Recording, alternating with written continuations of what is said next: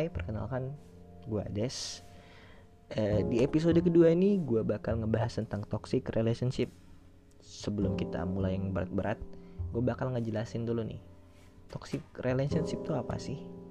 Toxic relationship itu adalah suatu hubungan yang bisa dibilang menjadi penyakit yang di mana merugikan salah satu pihak ataupun keduanya. Dan bagi kalian yang terjebak di toxic relationship, atau punya partner toxic nih, ya selamat. Setidaknya kalian ada alasan buat putus.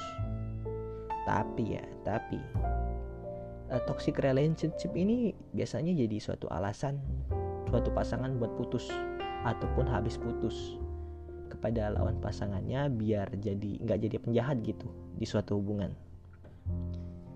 Biasanya sih cewek yang jadiin alasan kalau mau putus ya alasannya toxic toxic relationship lah toxic bla bla bla bla. Padahal kita sebagai pendengar ceritanya tuh nggak tahu tentang cerita di balik ataupun ataupun sebenarnya itu tuh bentuk cinta si cowok yang diberikan ke cewek itu tapi menurut pasangannya terlalu berlebihan. Atau dan si cewek itu nganggap itu toksik tapi nih bagi kalian yang terjebak di toxic relationship da, uh, dan kalian masih pertahanin. Karena alasan cinta. GWST buat kalian. Karena kalian benar-benar bego. Kenapa gue bisa bilang gitu? Ya ya karena toxic relationship itu ibaratnya bom waktu yang bakal jadi masalah buat ke depannya. Dan toxic relationship itu bisa dimulai dari hal kecil Contohnya pasangan kalian yang megang sosmed ataupun kali uh, megang WA kalian. Ya karena menurut gue itu bentuk toksik dalam hal privasi. Ya masa dalam hal privasi aja nggak bisa saling menghargai gitu. Padahal itu bentuk uh, hal yang kecil banget kan. Dan buat kalian yang udah putus sama partner toksik kalian tapi masih terjebak di lingkungan toksik kalian. Kalian luar biasa.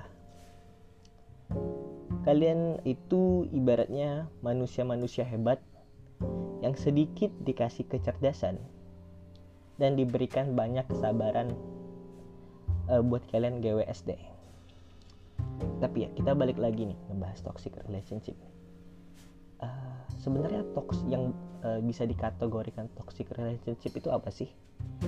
Apakah tindakannya, uh, cara dia ngomong, ataupun sikap dia ke pasangan itu juga bisa dibilang jadi toxic relationship. Uh, gimana ya? Ketika ibaratnya kalau kalian punya pasangan ya, tapi uh, pasangan kalian tuh terlalu protektif buat kalian, ya kalian nganggap itu toxic. Tapi di sisi lain pasangan kalian nganggapnya itu ya bentuk cinta mereka ke kalian.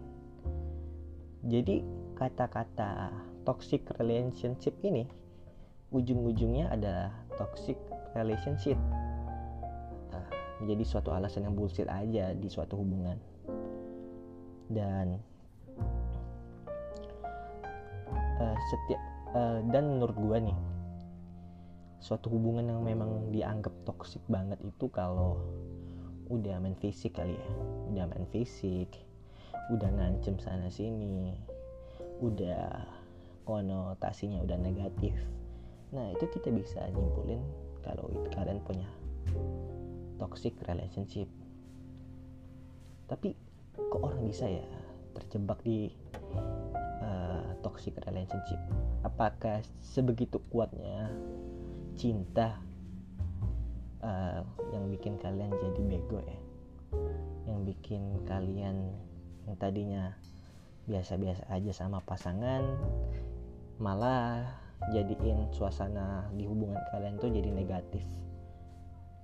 Jadi toxic relationship ini apa ya? Alasan buat putus doang? Ataupun suatu masalah yang terjadi di kalangan kalangan anak muda. Kita nggak tahu ya.